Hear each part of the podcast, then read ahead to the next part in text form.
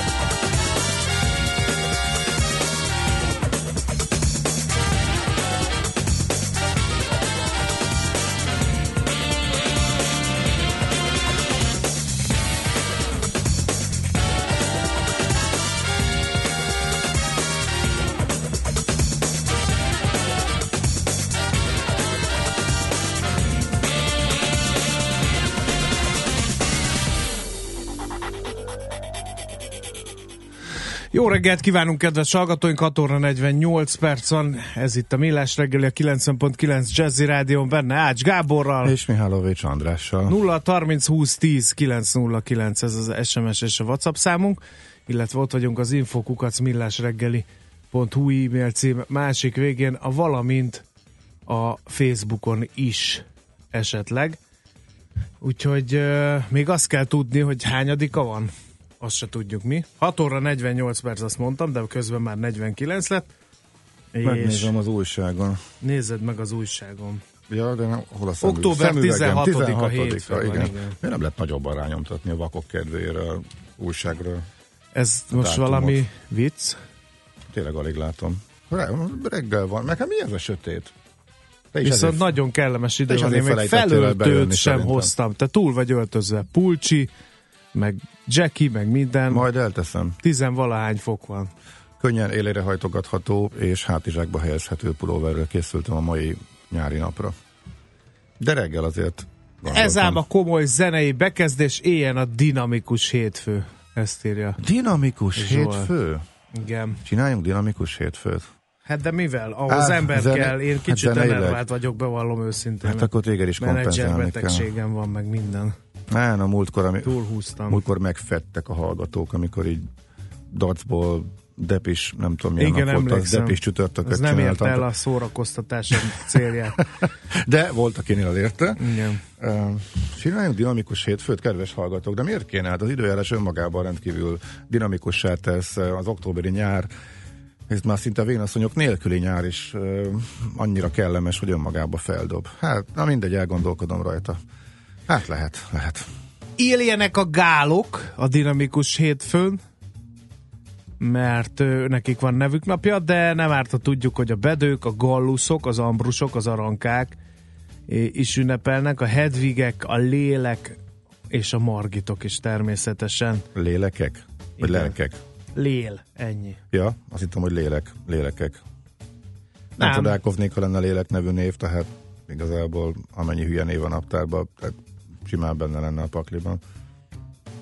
Kérem szépen nézzük, hogy mi köthető október 16-ához. 1448-ban ezen a napon Hunyadi János vereséget szenved a Rigó mezei ütközetben. Nincs időt kifejteni, Nincs időm kifejteni. 1701-ben ezen a napon alapították a Yale Egyetemet. Aztán eh, repedjünk egy nagyobbat, 1862, na ezt nem tudtam, egy Preis Móricz nevezető magyar kémikus a hegyaljai borművelők egyesületében három évvel Louis Pasteur előtt bemutatja a pasztőrözési eljárást. Mekkora pekje volt, hogy Magyarországra született, vagy hogy nem tudott nagyobb hype-ot csapni a pasztőrözési eljárással, de hát ezt kevesen tudják, hogy Preis Móricz volt az első, nem Louis Pasteur. Preis, Moritz? Preis Móricz, így van. Hú, csak így elgondolkodtam, hogy ha ügyesebb, akkor most prejszolás, prejszolásnak hívnák a Ami pasztorizálást. félreértésre adható. És, és igen, de lehet, hogy akkor máshogy alakul a slang amúgy. Igen. Egy későbbi történet. Jó, befejeztem. 1923 megalapítják a Disney Company-t, azóta él és virul. A tőzsdeblogban majd megnézzük, hogy ünnepli a születésnapját. Nem tudom, rálátsz-e részleteiben Mindenre, az amerikai... mindenre rálátok, mindenben illetékes vagyok. Jó, akkor megnyugodtam. Illetőleg eh, két évvel később, 1925-ben kormányhatározat készül a pengő bevezetéséről. Egy pengő értéke 12.500 korona lesz, kérem szépen.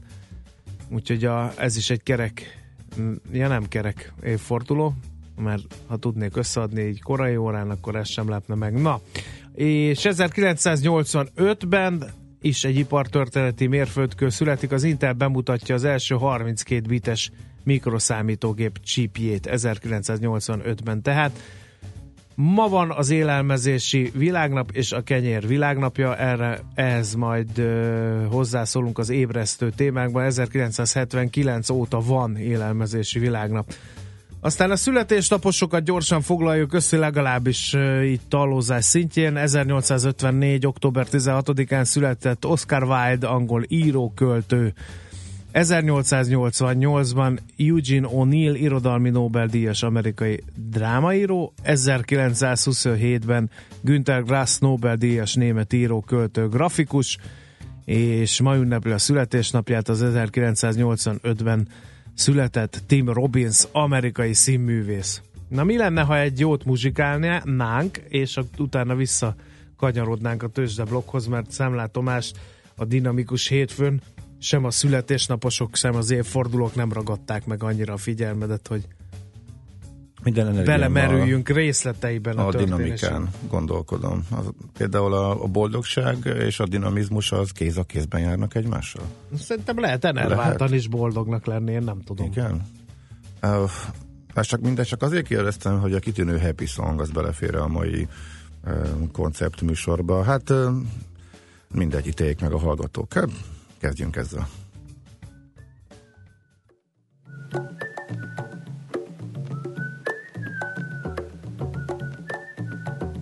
I'm sitting on a cloud, humming to myself, away from the crowd. There is no one else.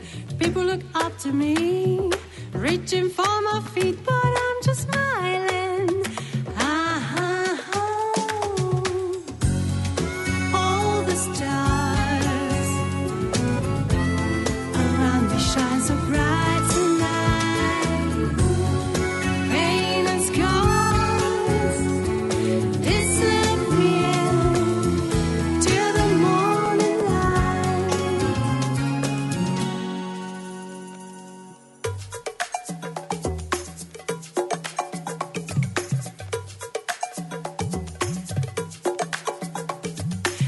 It's a happy song, first I've ever done. Took me many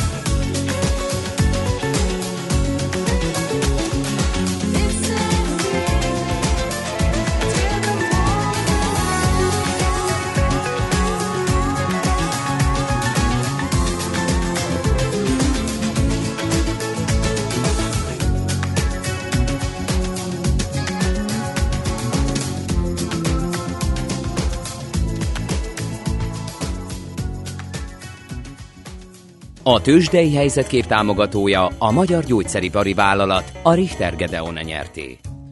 No kérem, nézzük, mi történt a Budapest értéktőzsdén. 3 os volt a plusz és 38.894 pontos záró érték. 2,3%-ot erősödött a MOL, 3172 forintig ő vitte tehát a zászlót.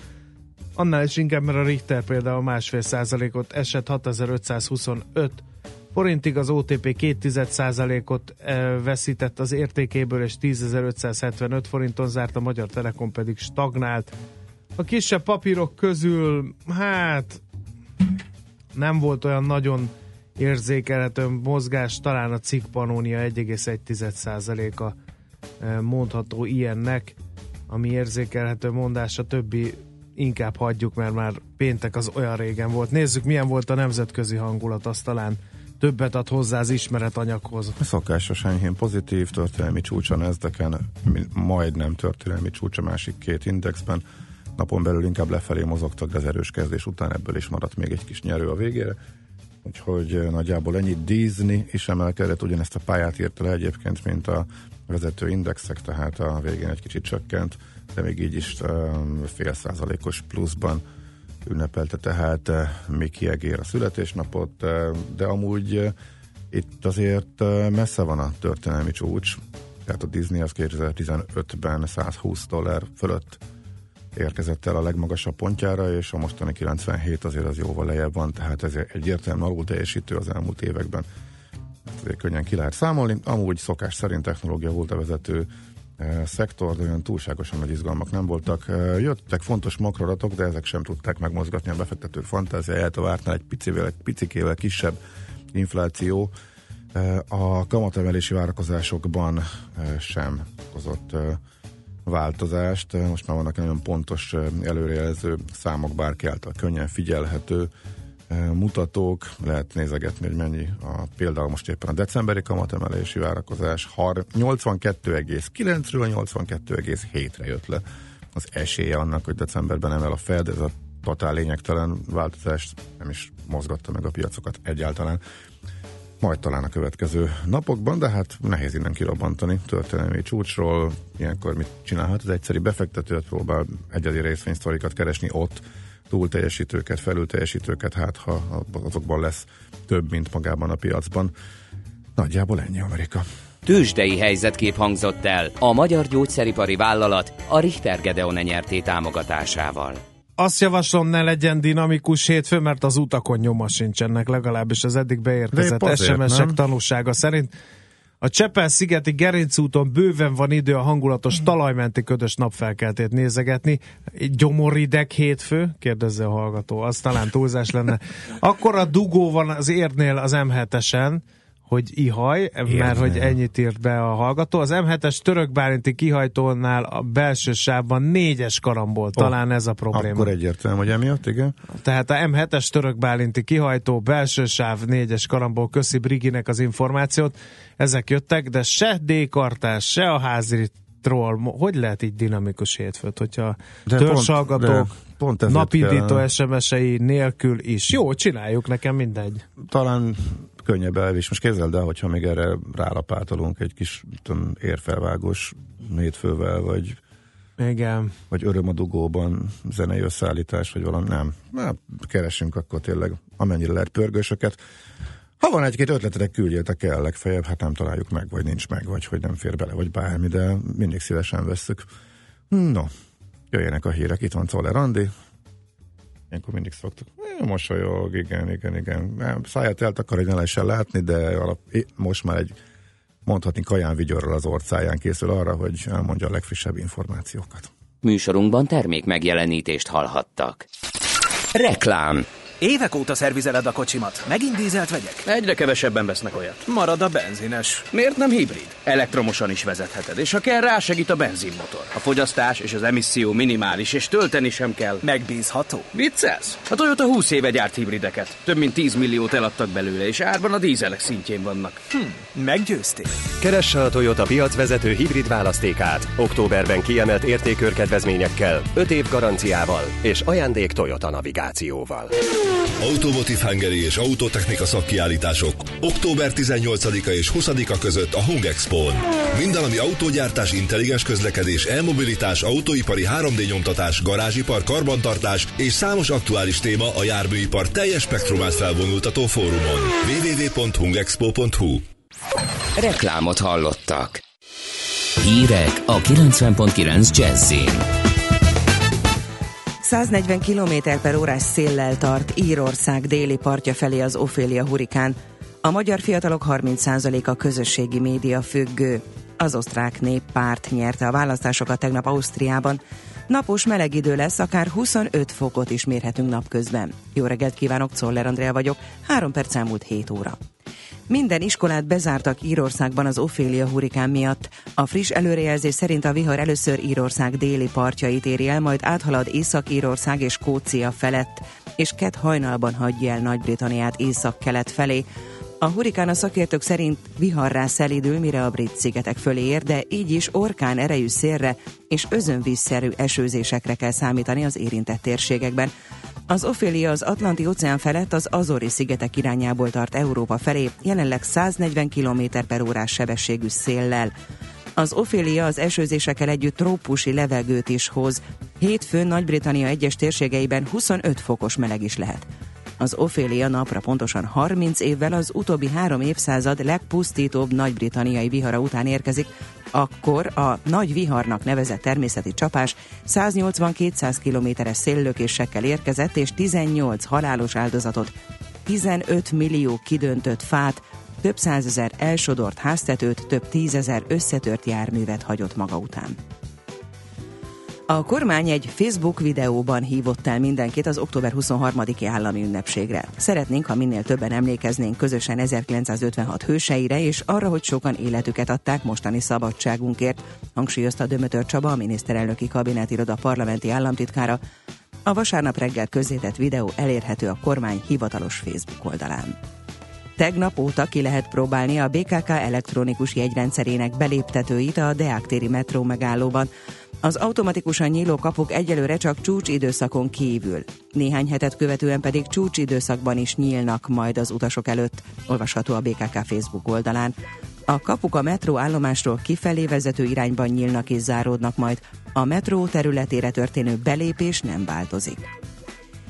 Egy friss kutatás szerint a magyar fiatalok 30%-a közösségi média függő. Az úgynevezett Z generációhoz tartozók átlagosan napi két órát töltenek közösségi oldalak előtt, és az életük felét már online térben élik, hangzott el a köztévében. Ők már többet kommunikálnak az interneten, mint személyesen így saját énjüket, egójukat mindig úgy kommunikálják, ahogy ők, ők szeretnék, és ennek lehet következménye az én felértékelődése, az egoisztikus, narcisztikus viselkedés. Az Y generációhoz az 1980 és 95 között, a Z generációhoz pedig az 1996 és 2007 között születetteket sorolják. Az osztrák néppárt nyerte a választásokat tegnap Ausztriában. Ők a voksok 31,6%-át szerezték meg az osztrák szociáldemokrata párt és az osztrák szabadságpárt előtt. Sebastian Alexander van der Bellen köztársasági elnök a szavazás után jelezte, hogy várhatóan Sebastian Kurznak ad megbízást kormányalakításra, de ezzel mindenképpen megvárja a végeredményt, amelyet a választási hatóságok csütörtökre ígérnek. A voksolás további meglepetése, hogy a zöldek pártja nagy valószínűséggel kiesett a parlamentből. Napközben szinte felhőtlen időre készülhetünk, a hajnali pára és kötfoltok néha sokáig megmaradhatnak, gyenge lesz a déli délnyugati szél, 21-25 fokot is mérhetünk. A hírszerkesztőt Szoller Andrát hallották, friss hírek legközelebb fél óra múlva. 90.9 Jazzy a hírek után újra zene. Budapest legfrissebb közlekedési hírei a 90.9 Jazzin a City Taxi Dispécsejétől. Egy újabb hét reggelén köszöntöm Önöket, jó reggelt kívánok! A kellemes enyhe időben autózhatnak a most útnak indulók fennakadásról, balesetről, szerencsére nem kaptunk hírt. Van viszont néhány mai életbe lépő korlátozás, amely a későbbiekben meghosszabbíthatja majd a menetidőt. Az M3-as metróvonal felújításának előkészületei miatt mától végleg megváltozik a forgalmi rend. A Bajcs Zsilinszkiről nem lehet balra a Szent István körútra, a Terész körútról pedig a Bajcs Zsilinszkire kanyarodni, valamint csak egy sáv járható kifelé a Váci úton az Árpád híd irányában. Zuglóban a Nagy Lajos király útján végleg lezárták a villamos átjárót új szervizút építése miatt és félpályás útzár várja az autósokat a Gyöngyösi utcában és Zuglóban, a Pálya utcában, a Tököli utca közelében. További balesetmentes közlekedést kívánunk! A hírek után már is folytatódik a millás reggeli, itt a 90.9 jazz Következő műsorunkban termék megjelenítést hallhatnak.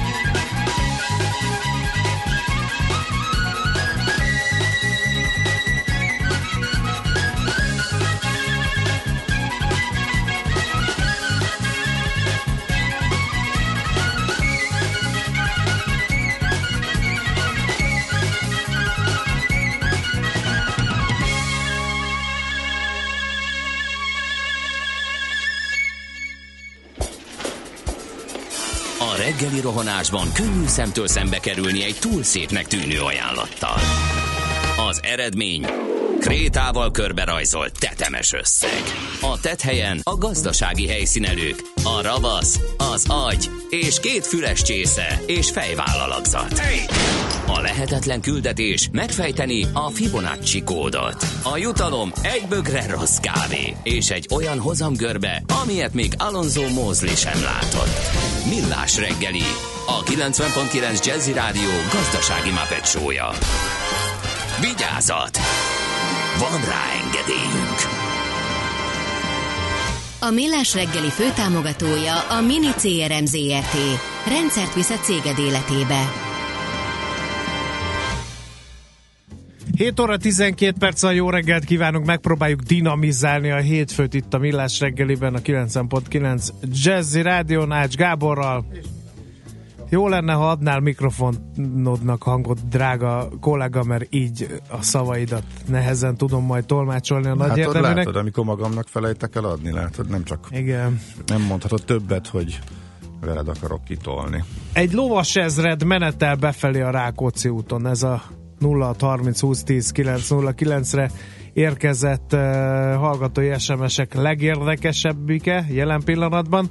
Nem biztos, hogy lovas ezred lesz az, inkább valami díszszázad vagy dísz szakasz, mert azért a lovas ezred az jó sok emberből állt annak idején. DJ Carpenter zenéi közül hiányolják az Európa kiadót, de persze, ha nincs, akkor a Real McCoy-tól a Love and Devotion szeretné a hallgató magának és mindenkinek, aki szereti. Az nem annyira dinamikus, de jó.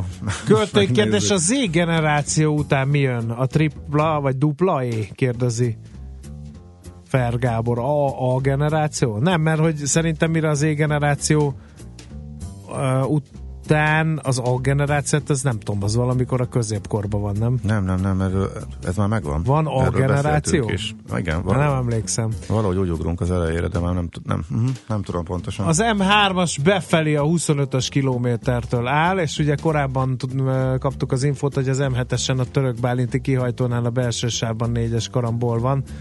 Úgyhogy mindenki csak óvatosan és csak körültekintően közlekedjék. A díszszázad júliusban menetelt, az egy régebbi üzenet. Hát ez nem tudom.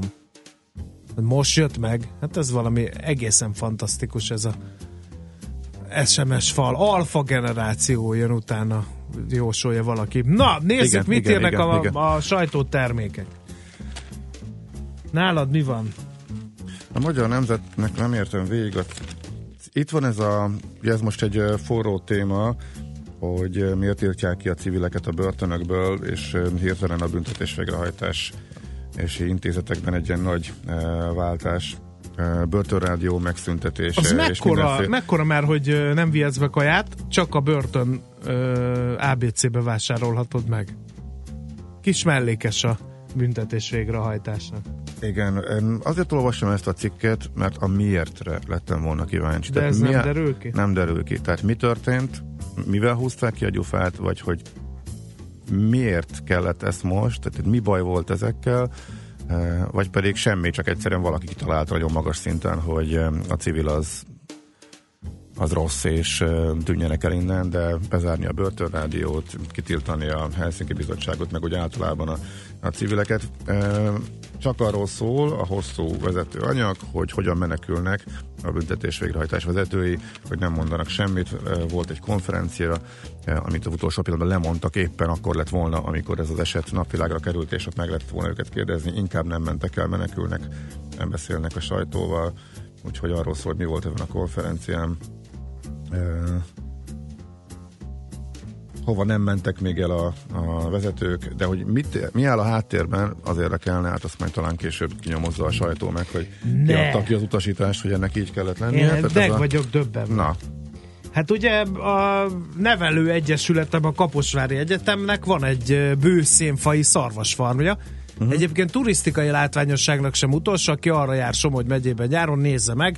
Nagyon-nagyon érdekes élményben lehet része.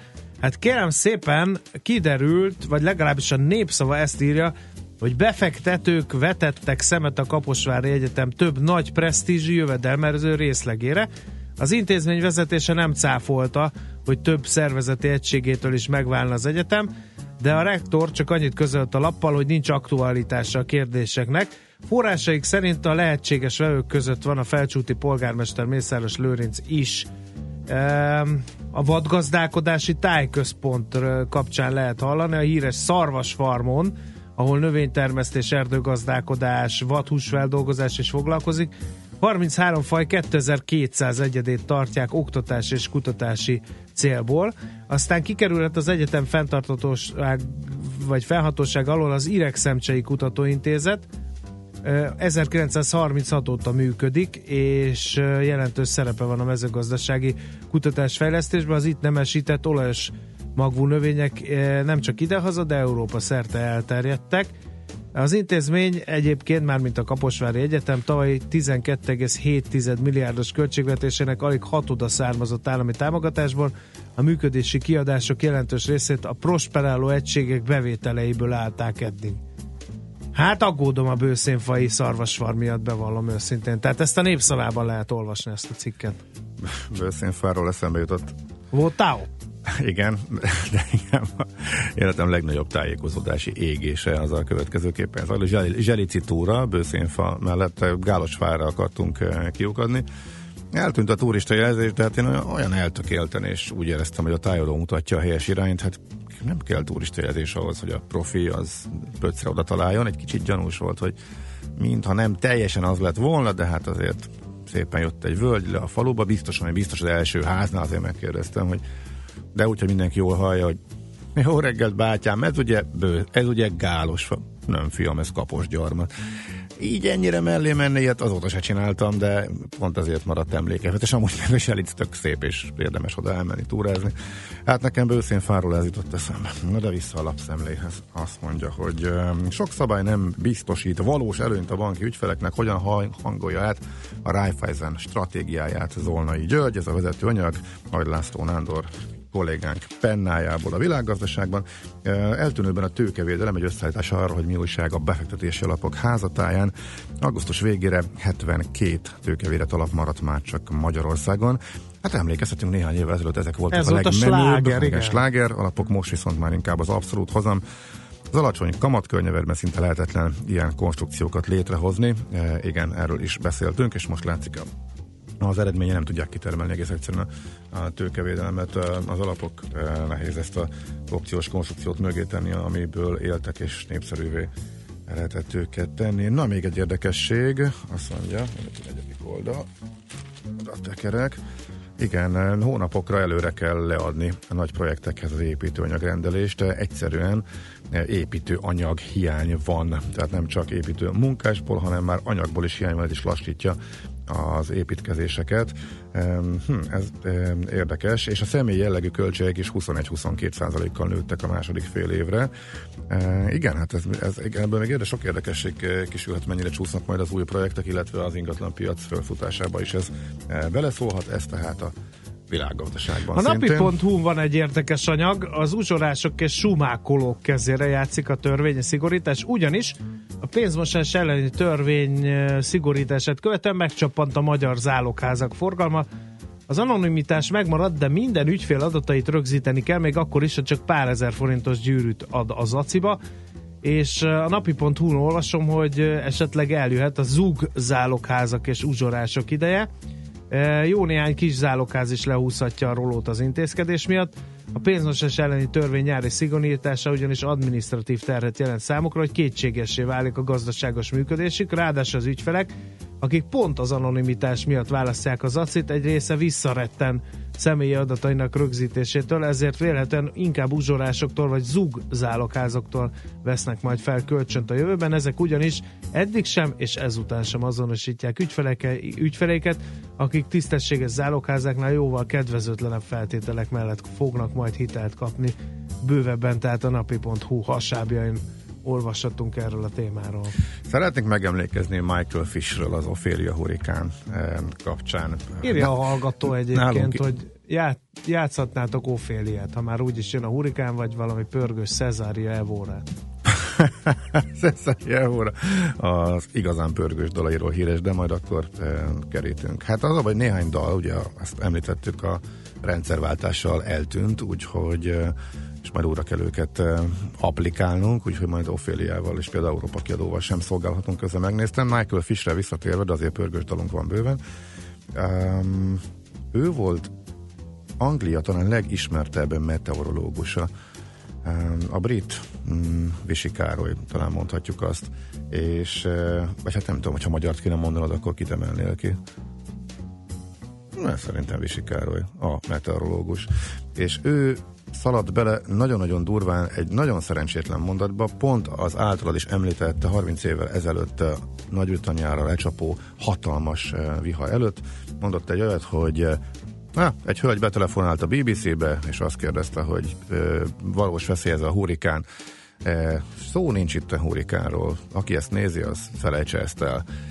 Utána jöttek a halottak, meg az elképesztő az évszázad vihara Angliában, és ez nagyon, és hiába próbáltam magyarázni, hogy ez egy amerikai hurikánról, egy amerikai hurikán volt az, amiről ő beszélt, teljesen félreérthető volt, amit mondott, és teljesen lehet azt mondani, hogy félrevezette a nézőket. Nyilván tényleg nem hurikán volt az, ami elérte Angliát, de a vihar, az elképesztő erejű vihar az lecsapott, és ezt valóban nem vette komolyan. Utólag az is kiderült, illetve elmondta évekkel később, hogy senki sem telefonált be, csak az egészet ő találta ki. A jó kis átkötő szövegnek tűnt, mert hát ugye a profi tévés az így működik, és költ dolgokat, tehát nem volt senki, akire rákérdezett volna és rengeteg zeneszámban is emléket állítottak neki, de a legérdekesebb, hogy a mai napig használatos a Michael Fish effekt nevű kifejezés. Bármire, ha valaki nyilvánosan megszólal, majd pedig látványosan eltranyál vele, akkor ez azóta is az ő nevét viseli. Tehát ez annyira benne maradt a köztudatban. Egyébként ma is él, és kisebb csatornákon még szakért nyugdíjasként is, meteorológusként, de a Michael Fish effekt az az is egy klasszikus kifejezés. Tehát, ha most te mondanál valamit, vagy ha mondjuk a mi visikára beleszaladt volna valami hasonlóba, és valami oltári baromságot mondanál, kiderül később, hogy az előrejelzésed annak az ellentétje következik be, akkor hozzá hasonlítanának. Na hát ennyit a viharról, illetve vele kapcsolatban a, erről ismert angol meteorológusról, akik néztek 15 évvel ezelőtt brit eh, csatornákat, főleg BBC-t, eh, ismerős lehet a, a jellegvetés a fiziviskája Michael Fishnek. Na, mi pörögjön most? Ezt most találtad ki. Azt írja a házitról. Ezt az egész de, de, olvas utána. Nem. Én nem értettem. Az egész onnan jött, hogy évekkel nem, nem, nem, emlék, nem emlékszem, mire vonatkozott, de hogy tőzsdei előrejelzés kapcsán, és Michael Fisheztek, és nem értettem, hogy miről van szó, és utána kerestem, és akkor derült ki, hogy egy nagyon durván elrontott időjárás jelöljelzésből származik, és szegény fickó most már 70 valány éves, de azóta ezt hallja, és azt mondja, hogy ahányszor fölemlegették ezt nekem, ha minden egyes fölemlegetésért a médiában csak, csak egy egyetlen font. fontot kaptam volna, akkor milliárdos lennék. és ezt találta nyilatkozni néhány évvel ezelőtt.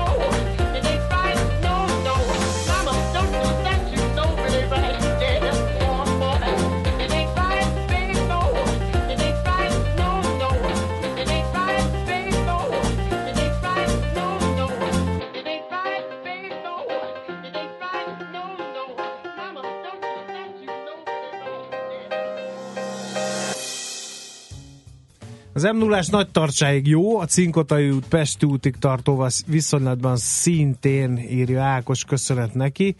Kért egy számot is Fábián Júlitól a Shine, de ezt nem tudjuk. Ajner Szilárdra jött esetleg, hogy ő a, nemzet meteorológusa. Igen, és neki azért voltak, voltak Aranyköpései. meg mellélövései is, én úgy emlékszem, igen.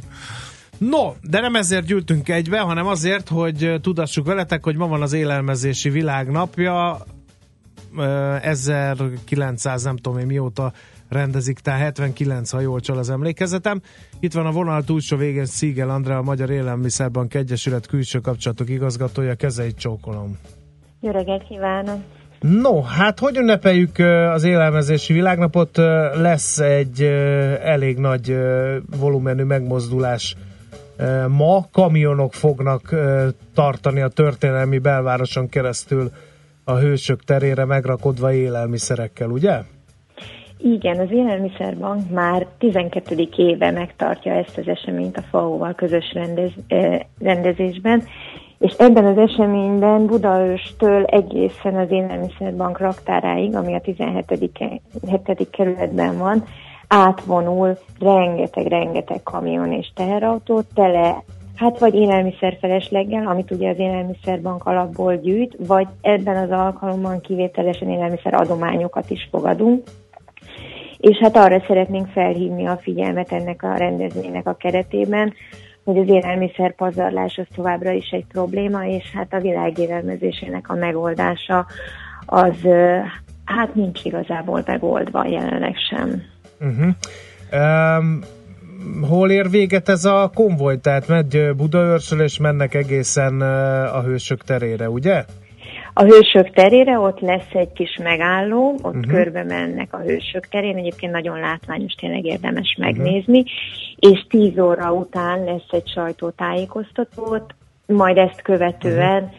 indul el a konvoj kifelé az élelmiszerbank raktárába, ahol az adományokat lepakoljuk, lerakodjuk, és utána ezek az adományok természetesen eljutnak a nélkülözőkhöz az elkövetkezendő hetekben. Uh-huh. Tehát nem a reggeli csúcsba kell számítani a konvojra. Nem, nem, nem. Csak hogy az autóban ülőket megnyugtassuk valamelyes. Igen, nyilván idő, amíg ez átér a városon, ez az egész menet, de nem, nem a reggeli Mhm. uh-huh. csúcsban. Jó, ö, mennyire vagyunk pazarlóak mi magyarok az élelmiszerek tekintetében, mondjuk a régión belül, vagy mondjuk a nyugat-európai trendekhez képest? Mi magyarok egy picit kevésbé vagyunk pazarlóak, mint a nyugati ö, társaink.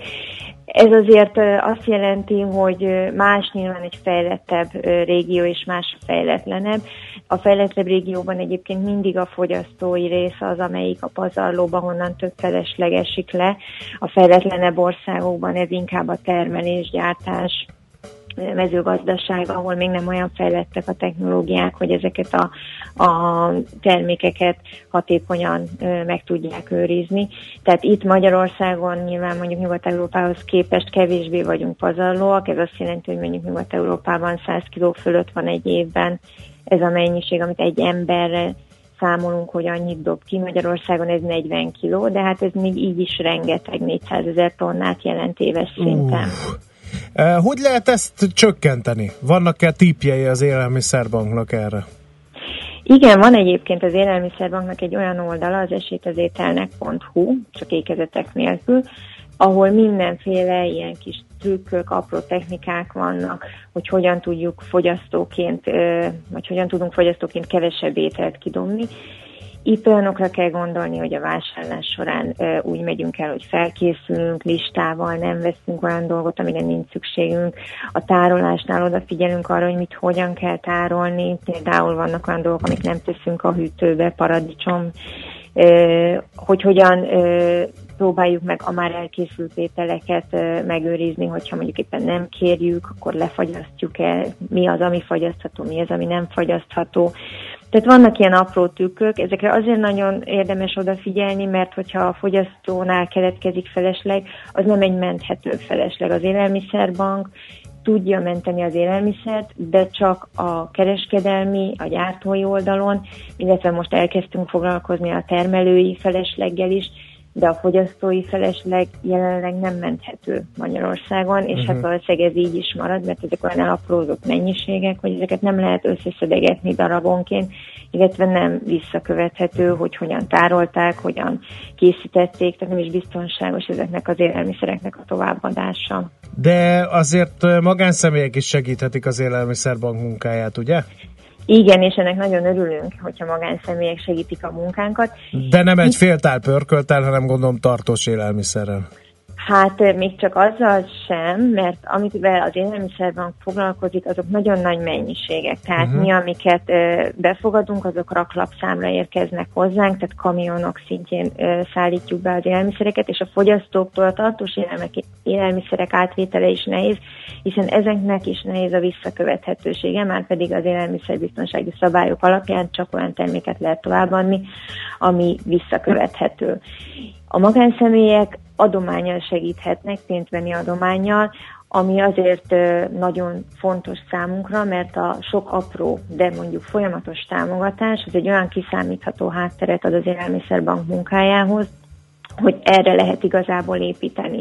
Itt, hogyha 1000 forint támogatásban gondolkodunk, akkor abból adódóan, hogy a felajánlott élelmiszereket az élelmiszerbank mindig ingyen veszi át, tehát ezeket a feleslegeket, amivel mi dolgozunk, mindig ingyen kapjuk, és ingyen is adjuk természetesen tovább. Itt aminek költsége van, a raktározás, a szállítmányozás, a kezelése ezeknek az áruknak, tehát 1000 forint, az nagyjából 30 ezer forintnyi élelmiszer kijuttatását fedezi, tehát van egy nagyon hatékony működése az élelmiszerbanknak, amihez így hozzá lehet járulni. Uh-huh. Hova megy az élelmiszer? Hogyan osszák szét, és kik kapnak belőle? Az élelmiszerből rászorulók, tehát az élelmiszer rászorulók kapják, partnerszervezeteken keresztül osztunk. Jelenleg van több mint 300 partnerszervezetünk az országban, országos lefedettséggel működünk, és ezek a partnerszervezetek azok, akik a helyi nélkülözőket ismerik, ők azok, akik tudják, hogy kinek van erre szüksége, és ők osszák ki ezeket az élelmiszereket. Uh-huh. Van az élelmezési világnapnak egy fő témája az idei évben, erről azért még ejtsünk szót, mert ugye a FAO szeretné felhívni a figyelmet az elvándorlásra, ami a migrációnak az egyik kiváltó oka. Mi is ez a téma egészen pontosan? Igen, hát az, az látszik, hogy vannak, és ezt mondjuk világviszonylatban kell érteni, hogy vannak olyan területek, ahol élelmiszer hiány van, és van olyan terület, ahol élelmiszer felesleg, tehát nincs megoldva az élelmezés, ez az, amiről az elején beszéltünk, és nyilván ezekről a területekről jönnek el emberek, és ezt erre hívja fel a FAO a figyelmet, hogyha a helyben meg tudjuk oldani a biztonságos élelmezést, hogyha van mód arra, hogy ezeken a területeken kapjanak olyan, olyan minőségű és mennyiségű élelmiszert az emberek, hogy ott tudjanak maradni, akkor nyilván ezt az okot kivéve ez az elvándorlás csökkenthető. Uh-huh. Jó, nagyon szépen köszönjük az információkat, és akkor sok sikert a tevékenységükhöz, Köszönjük. meg az élelmezési világnapi ünnepségekhez külön is. Köszönjük még egyszer, és jó munkát kívánunk. Köszönjük mi is. Csókolom a kezeit. Viszont hálásra. Szígel Andreával, a Magyar Élelmiszerbank Egyesület külső kapcsolatok igazgatójával beszélgettünk. Most promóciós összeállítás is jön, aztán rövid hírek, majd körültekintünk a makrogazdasági történéseken és a devizapiaci eseményeken. Műsorunkban termék megjelenítést hallhattak. Van még élet a bonsai kerítésen is túl. Japán fantasztikus hely, izgalmas kultúra, ahol mindig többet kapsz, mint amire számítottál. Lépj le hozzánk minden kedden reggel 3.48-kor, és éld át a kulturális cunamit, hogy megértsd, a sushi nem hal, a wasabi nem mustár, a mikado nem játék. Kaizen Dojo. A rovat támogatója a japán specialista Tumnare Corporation Hungary Kft. Vakarimasu Reklám Évek óta szervizeled a kocsimat. Megint dízelt vegyek? Egyre kevesebben vesznek olyat. Marad a benzines. Miért nem hibrid? Elektromosan is vezetheted, és ha kell, rásegít a benzinmotor. A fogyasztás és az emisszió minimális, és tölteni sem kell. Megbízható. Viccelsz? A Toyota 20 éve gyárt hibrideket. Több mint 10 milliót eladtak belőle, és árban a dízelek szintjén vannak. Hm, meggyőztél.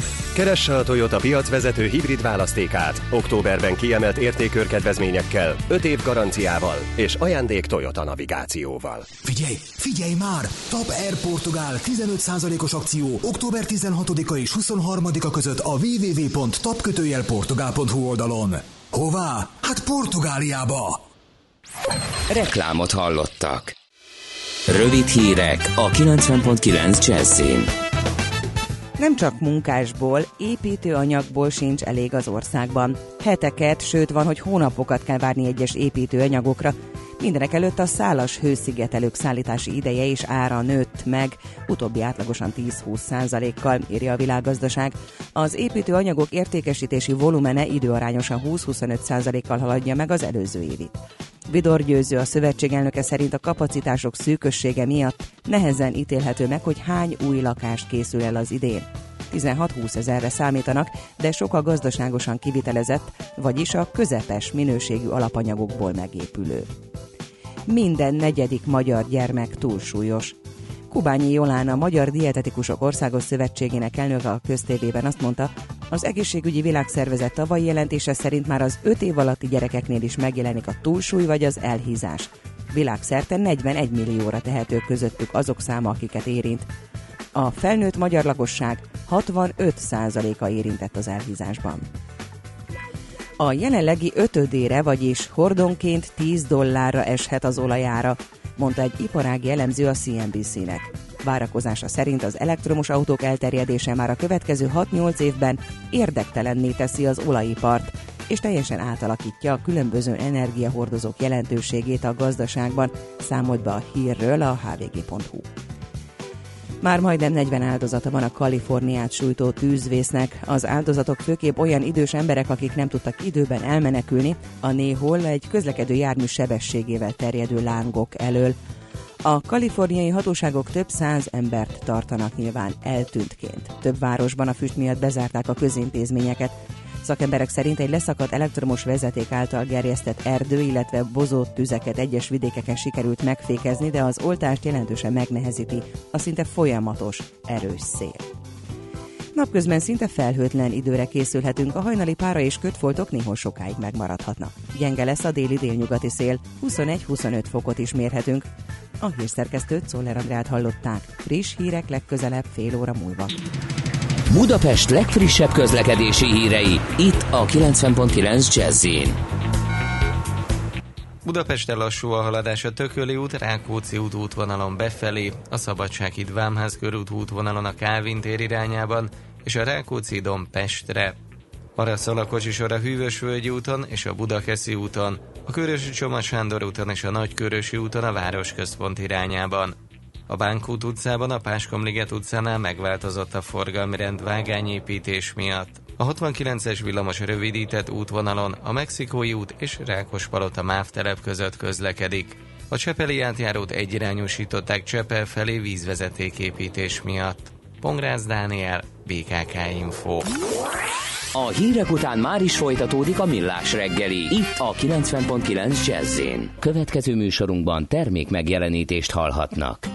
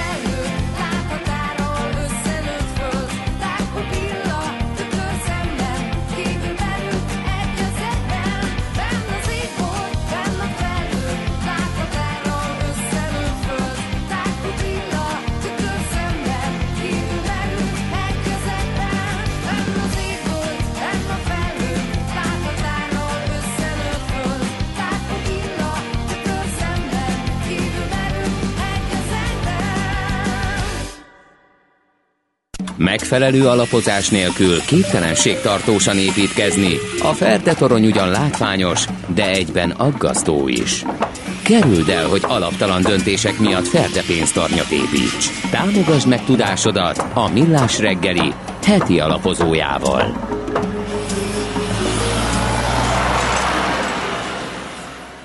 A Szentendrei befelé, ameddig a szemellát lépésben arra szól, illetőleg a Gubacsi útról a Könyves Kálmára felhajtani ma reggel valamiért komoly kihívás írja B, illetőleg például scootert is követelnek Na jó, na, a szerszámgazdától. Én mondtam, hogy vigyázz ezekkel a, az ígéretekkel, mert hogy De én meg mondtam, hogy hát kiszabadul azért- a szellem a palacból, azt vissza nem tudsz Nem, megszűrjük őket, megszűrjük Jó. őket. Vannak dinamikus jó dalok, mint az előző, és Igen. próbáljuk a dinamikus hétfőt folytatni. Jó, mivel heti kitekintő rovatunkkal, benne pedig Tardos Gergely, az OTP elemzési központ vezetője. Jó reggelt kívánunk, szia! Jó reggelt! No, hát a mai penzum, én úgy látom, hogy azért van bőven ma is makrogazdasági adat, ami érdekes lehet, és ami mozgathatja a piacokat. Hát Melyiket emelnéd ki, a kínai GDP-t, vagy a pénteki Moody's? A Moody's az még számít? Csinálhat valamit? Persze, persze. Tehát azért a, az a helyzet, hogy a, a magyar adósság besólásnak, ha a kilátását a Moody's is javítja, az, az, az ugye növelheti a, a, ismét a forint iránti érdeklődést, és ugye azt látjuk, hogy már évek óta az a történet, hogy a, egyszerűen a, a jegybank próbál küzdeni a felértékelődés ellen, el- egyre több eszközt kénytelen bevetni, e, és hát az a helyzet, hogy, hogy tényleg lassan elmondhatjuk, hogy így a, a, a forint az alacsony kamat miatt finanszírozó deviza lesz lassan, e, és azt gondolom, hogy ebben a folyamatban egy újabb lépés lehet az, hogyha ha pénteken a Moody's az pozitívra rakja, vagy pozitívra változtatja. Van a erre esély, vagy ezt most még ember meg nem mondja? Én azt gondolom, hogy van esély, ugye az S&P már lépett, és tehát az, a- én, én, én azt gondolom, hogy, hogy ugye ha ránézünk a magyar makrószámokra, ránézünk arra, rá, hogy mennyi a növekedés, hogy hogy néz ki a költségvetés, hogy hogy néz ki a, a külső egyensúly, vagy az ezekhez köthető adósságpályák, vagy a devizatartalék ellátottság, vagy mondjuk az, hogy a, a nagyjából, tehát hogy, hogy milyen pálya van a deviza kitettségnek a magyar gazdaságban, akkor ez mind olyan, ami így előre tekintve a kockázatot azt csökkenti. Tehát uh-huh. azt gondolom, hogy, hogy a, annál a minősítésnél, ahol most a magyar gazdaság ö, szerepel, ugye ilyen mutatókkal jellemzően azért inkább, inkább jobb kategóriákba szoktak tartozni uh-huh. országok. Ö, Nem tudom, hogy olvastad a portfólió ma reggeli vezetőanyagát, de ott, ha már a forint szóba került, akkor megkérdezünk téged is, meg majd Plessinger Gyulát is, hogy nagyon megváltozhat a forint státusza a nemzetközi devizapiacon. Ugye tovább, korábban ilyen carry devizaként kezeltek bennünket, most meg ilyen finanszírozó deviza lehet ezzel. Te egyet értesz? Hát ugye a finanszírozó devizáknak két fő ismérve van. Az egyik az az, hogy nagyon alacsony a kamata, és azt gondolom, hogy a forint esetében egyértelműen erről beszélhetünk. Ugye ha a régióban körülnézünk, akkor azt láthatjuk, hogy a, ugye a, a csehek már léptek, ugye azt láthatjuk, hogy a románok már léptek, és az a helyzet, hogy a magyar rövid kamatok azok régiós, meg nemzetközi összevetésben is elég alacsonynak számítanak, tehát ilyen szempontból lehet ez egy, egy finanszírozó deviza. A másik, ugye, hogy jellemzően ezek az országok azért elég stabilak szoktak lenni, és az a helyzet, hogy jelenleg ugye a, a magyar gazdaság sebezhetősége is nagyon alacsony, bocsánat, még egy dolog van, tehát hogy azért finanszírozó devizaként általában mondjuk fejlett országok devizái szoktak tartósan szerepelni, tehát itt mondjuk a japánjára, meg a svájci frankra a gondolok elsősorban, ugye az a Magyarország ettől még távol van, de, de tényleg a devizapiaci szerep az egyértelműen változik. Uh-huh. Jó, másik fontos makroesemény talán a kínai GDP adat lehet. Ugye Kína mindig sötét ló, és emiatt aztán szokott pozitív, meg negatív meglepetést is szerezni. Ugye ott hűteni kell a gazdasági növekedést, ez mint hogyha egy kicsit eredményes lenne. Milyen GDP adatot várhatunk? Lehet-e ebben esetleg meglepetés? Ugye a, a kínai GDP szokott kijönni az összes ország, tehát hogy az összes nagyobb, fe, nagyobb gazdaság közül először, és hát ez azért sok mindent elárul, hiszen egyébként méretét tekintve Kína óriási, és jellemzően nem szokott nagy meglepetést okozni. Ugye az első fél évben 6,9% volt a növekedés, ami egy egyértelmű gyorsulás a tavalyi év után, ugye tavaly 6,7 volt az átlagos növekedés. Most a piac arra számít, hogy ez a 6,9 ez izgalmasan 6,8-ra enyhül és azt mondom, hogy nagy meglepetés ebben, ebben nem lehet. Igazából ami miatt érdemes figyelni az, hogy mi történik Kínában, ugye ha, ha a kínai magánszektor eladósodottsága miatt, ugye a egyik legint, tehát a világgazdaság mm, legnagyobb ismert veszélyforrása a, a Kína, és egyszerűen érdemes nézni, hogy mi történik, és valóban ott az, tehát hogy a, a hitelbővülés visszafogásán próbál, keresztül próbálja hűteni a kormányzat a gazdaságot. Hát most éppen inkább kisebb sikerrel azért, ugye a, most tehát a, a növekedés is viszonylag gyors, és hát ami, ami egy, szokott még rugózni a világ az, hogy éppen a hitelezés sem lassul olyan mértékben, ahogy ezt szeretné a kínai uh-huh. kormányzat, és azért a kínai magánszektor adósodottsága valóban rémisztően magas. Uh-huh. Jó, más valami esetleg, ami még érdekes, hát nem mintha nem lennénk elégedettek az eddigiekkel. Én azt, gond, azt gondolom, hogy két, két dolog, ugye kedden jön a, jön a Cevindex, ami, ahol, ahol némi emelkedést vár a, a konszenzus, ez ugye egy olyan mutató, ahol a, a pénzügyi elemzők véleményét kérdezik meg arról, hogy, hogy, hogy mi történik Németországban, illetve a, a tehát több országnak, tehát hogy elég sok országra van Cevindex. És, és ez még azon mutatók közé tartozik, ahol, ahol így a bizalom nincs, nincs a mindenkori csúcson, tehát hogy egyébként a, tehát, hogy a pénzügyi elemzők azok vagy kevésbé derülátóak, mint a, a mondjuk a, fogy, a, az üzleti bizalmi indexek, vagy a, a, a fogyasztói bizalmi indexek, vagy, vagy később reagálnak. Minden esetre itt is egy kis emelkedést vár a piac, és ami még fontos, az az, hogy a, és elég sok amerikai lakáspiac adat jön ki a héten, tehát használt lakáseladás, építési engedélyek, megkezdett lakásépítés száma, és ez azért fontos, mert, mert itt, itt az elmúlt hónapokban volt egy leforduló, tehát hogy a, a korábban fokozatosan emelkedő trend stagnálásba, illetve több indikátornál egy csökkenésbe váltott, és ugye azért fontos, mert az amerikai növekedés az elég régóta tart, egy elég érett növekedésről beszélünk, és itt érdemes olyan mutatókat keresni, amik, vagy hát inkább ilyen, tehát hogy, hogy érdemes mondjuk lefordulásra, esetleg lassulásra utaló jeleket keresgélni, és mondjuk az amerikai lakáspiac például tud, tud most ilyet mutatni, tehát azt gondolom, hogy ez ilyen rövid középtávon a dollár-euró szempontjából lehet fontos, mert hogyha látunk egy további lassulást, az ugye megint tudja az euró malmára hajtani a vizet, ahol már láttunk egy komoly erősödési hullámot, ami mögött részben ott volt az amerikai gazdaság lassulása is, de azt gondolom, hogy, hogy komolyabb szerepe volt annak, ugye, hogy, hogy egyértelművé vált az, hogy megindult az európai növekedés. Ha még erre rájön az, hogy mondjuk további juss a lassuláson, akkor az, az, az ismét, ismét hajthatja a dollár-euró árfolyamat. Oké, okay, nagyon szépen köszönjük, kerek volt és informatív, jó munkát nektek a hétre. Köszi. Jó hetet mindenkinek. Köszönöm, szia! Tardos Gergely az OTP elemzési központ vezetőjével beszélgettünk. E, kaptam kritikát, azt mindig Na, beolvasom. Azt mind, A gyerek is hallgat benneteket, ezért nagyon kérlek benneteket, hogy osztja, és nem ossza. Bocs, de rádiósként felelősségetek van, amúgy minden jót írja az egyik hallgató, és a másik. A gazdánál már többször feltűnt, most is mondta az élelmiszerbankos beszélgetésben, hogy osszák, nem osszák, hanem osztják. És még a hölgy is átvette utána tőle a helyten szót. Hát, bunkó vagyok. Mit csináljak?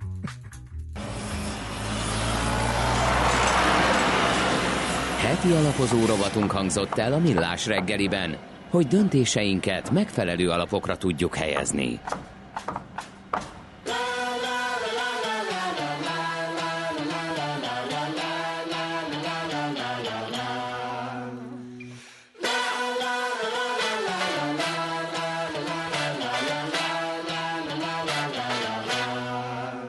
Buggar som en skott i Sarajevo Helikopter i Vietnam Dina första tennsoldater. We shall overcome. Bygger som ett kuppkrig på dagis. Skolfoton på Instagram. Demonstranter i Damaskus. Hole-in-ones i Pyongyang Ja, de vill krossa våra drömmar. Vi vill väcka dem till liv. En som att skrika för döven. Och måla akvareller för en blind. Flygbombade med björnen men oändligt riktigt dit Betala lönen för mödan i tågaspray kavenpolis Kläser i mitt hår som din på popstock Blommor i mitt hår som din på popstock Kommer aldrig någonsin ge upp. Vi kommer aldrig någonsin ge upp. Kläser i mitt hår som din på popstock Blommor i mitt hår som din på popstock Kommer aldrig någonsin ge upp. Vi kommer aldrig någonsin ge upp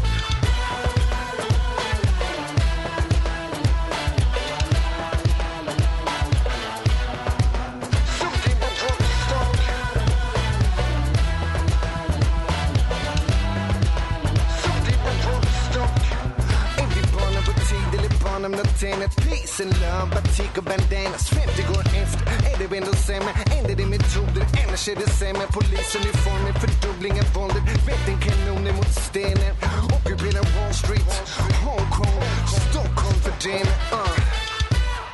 Vi lånar oss tillbaka? Långa blönade drönare slavar som två sämkönade prövade makar. Slå på din trumma till murarna skakar. I takt när bögar ställs per draggator 10 miljoner klätt från hemflator. 20 miljoner klätt från hemflator. 30 miljoner minst till dagsdatum i mitt hår som din på popstock Blommor i mitt hår som din på popstock Kommer aldrig någonsin ge upp?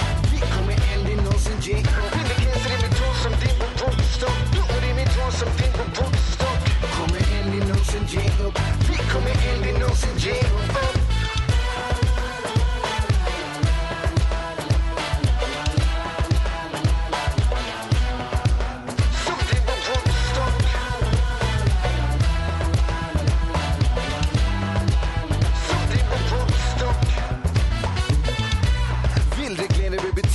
Som någon jämde med för reflex Som om vi inte visste längre vart lika dricker barn leker bäst.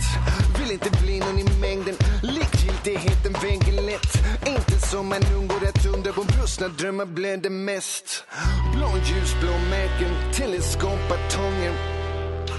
Men blommorna växer genom hål i betongen. Blir du den som trycker snooze när förändringen kommer?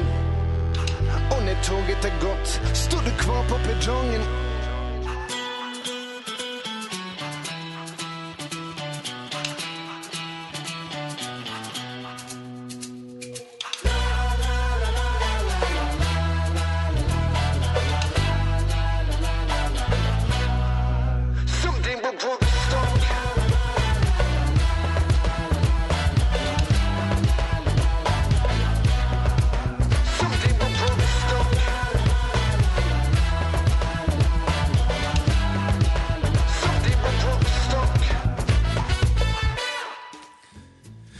Deviza piaci blokkunk következik benne Plessinger Gyulával, az MKB Bank Treasury értékesítési vezetőjével. Tiszteletem Plessinger úr!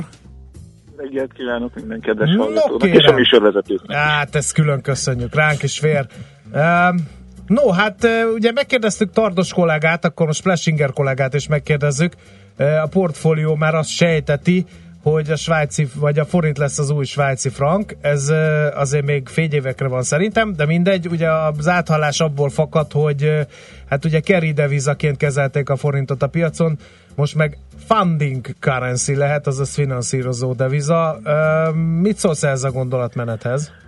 Hát én olyannyira egyet tudok ezzel a gondolatmenettel érteni, hogy én azt gondolnám, hogy tulajdonképpen már ebben az érában is érünk, tehát uh-huh. amellett, hogy a viccet félretéve tényleg nagyon tisztelem, megkedvelem a portfóliós kollégákat, de majd, hogy nem biztosra lőttek ezzel, uh, hiszen amióta azért, uh, hogy fogalmazok, zavarba ejtően alacsony a, maga, a magyar kamatszint, azóta a forintot tulajdonképpen már finanszírozó devizának használják. Ha megengeditek meg a kedves hallgatók is egy fél perces gyors talpalót itt, Hogyne, itt, itt tart, tartani.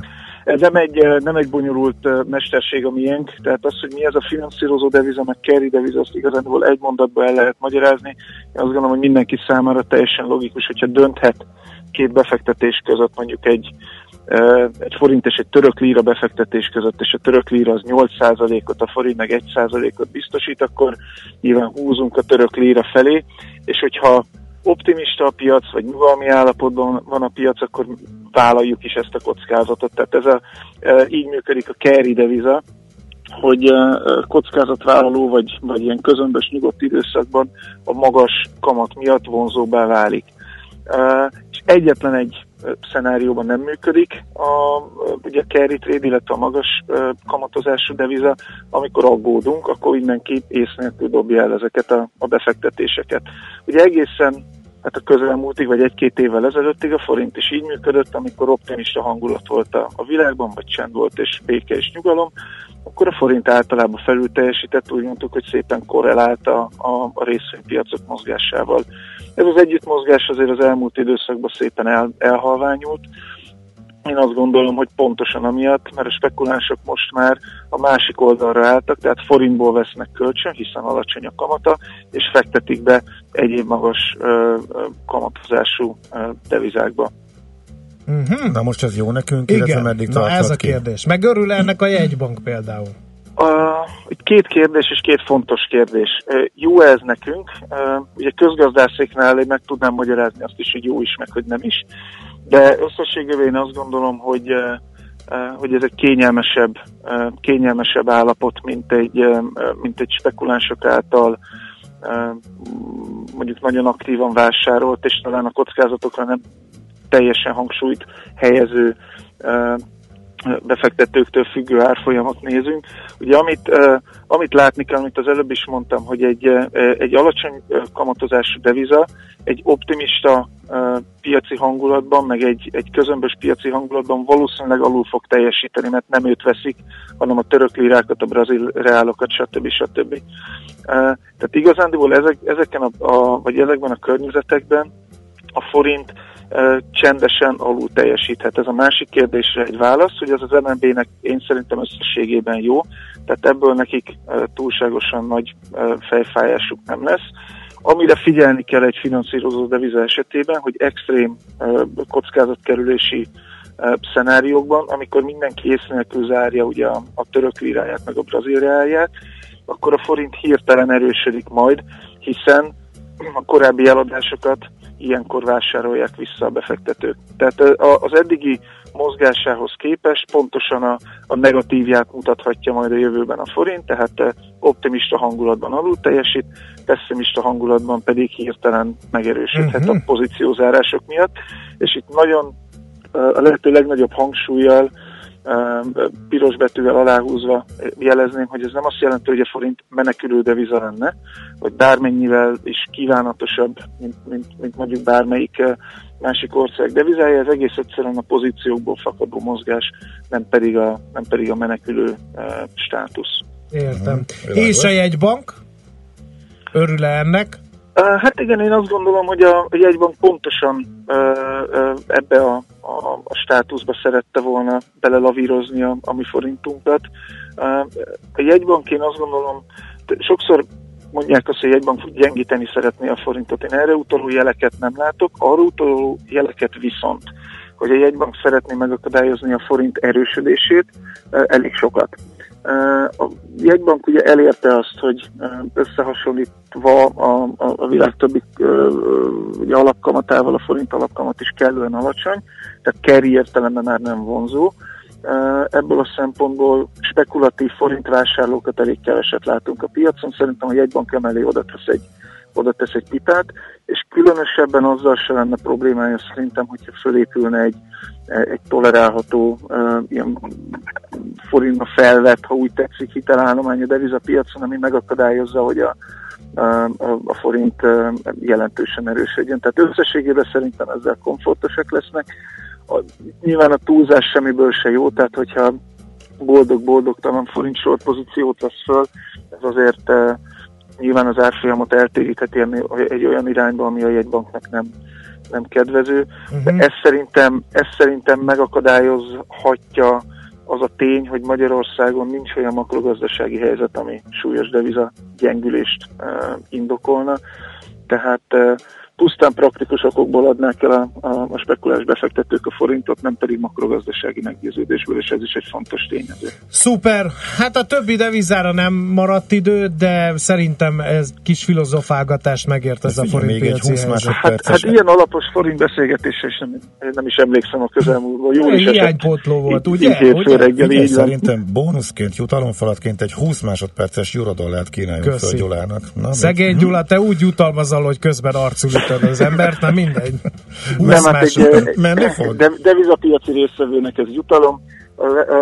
Az euró ugye erősödött múlt héten köszönhetően annak, hogy megint előkerült az a kérdés, hogy az Európai Központi Bank majd ugye előbb-utóbb kamatot emelhet, tehát ez ugye leghamarabb egy év múlva, de inkább, inkább később, mivel csak 20 másodpercen félreárazott a piac, október 26-áig várjunk, illetve tartsuk a vissza az agarakat egy kicsit, mert akkor fogja bejelenteni a, az Európai Központi Bank a jövő évre vonatkozó mennyiségi lazítási programját. Én azt gondolom, hogy jelek arra utalnak, hogy az idei év végével nem fogják befejezni ezt a programot, ez folytatódhat. Ha pedig lazítanak, akkor az euró erősödése előtt azért akadályok emelkedhetnek, tehát én én azt gondolom, hogy a múlt heti euróerősödést az elheti mérsékelten gyenge kezdés után további konszolidáció, tehát eurógyengülés követheti. Uh-huh. Oké, okay. jó van, akkor hasonló, mint amit korábban ezzel kapcsolatban mondtál. Oké. Hát tartanám, igen. Igen, oké. Okay. Köszönöm Köszi, szépen. szép napot. Sziasztok. Szia, szia. Lesinger Gyulát hallottuk, tehát az MKB Bank Treasury mi is pontosan a Gyula Értékesítési vezető. És van még dolgunk a hírek előtt. A szerencse fia vagy? Esetleg a szerencse lánya? Hogy kiderüljön, másra nincs szükséged, mint a helyes válaszra. Játék következik. A helyes megfejtés beküldők között a pénteki adást követően kisarcsolunk egy két személyre szóló vouchert a Fuji japán étterembe. A japán specialista utazási iroda a Tumlare Corporation Hungary Kft. jó voltából. Mai kérdésünk, hol forgatták az utolsó szamuráj című filmet Japánban, ugye Tom Cruise főszereplésével egyik kedvenc filmem, főleg mert van benne indiános vonal. Szóval, hol forgatták ezt az utolsó szamuráj című filmet? A. Hakone, B. Himeji, vagy C. Hiroshima? A helyes megfejtéseket ma délután 16 óráig várjuk a játékkukac jazzy.hu e-mail címre. Kedvezzem ma neked a szerencse! Hát Szóla Randi jön és a hírek, mi más mondhatnánk?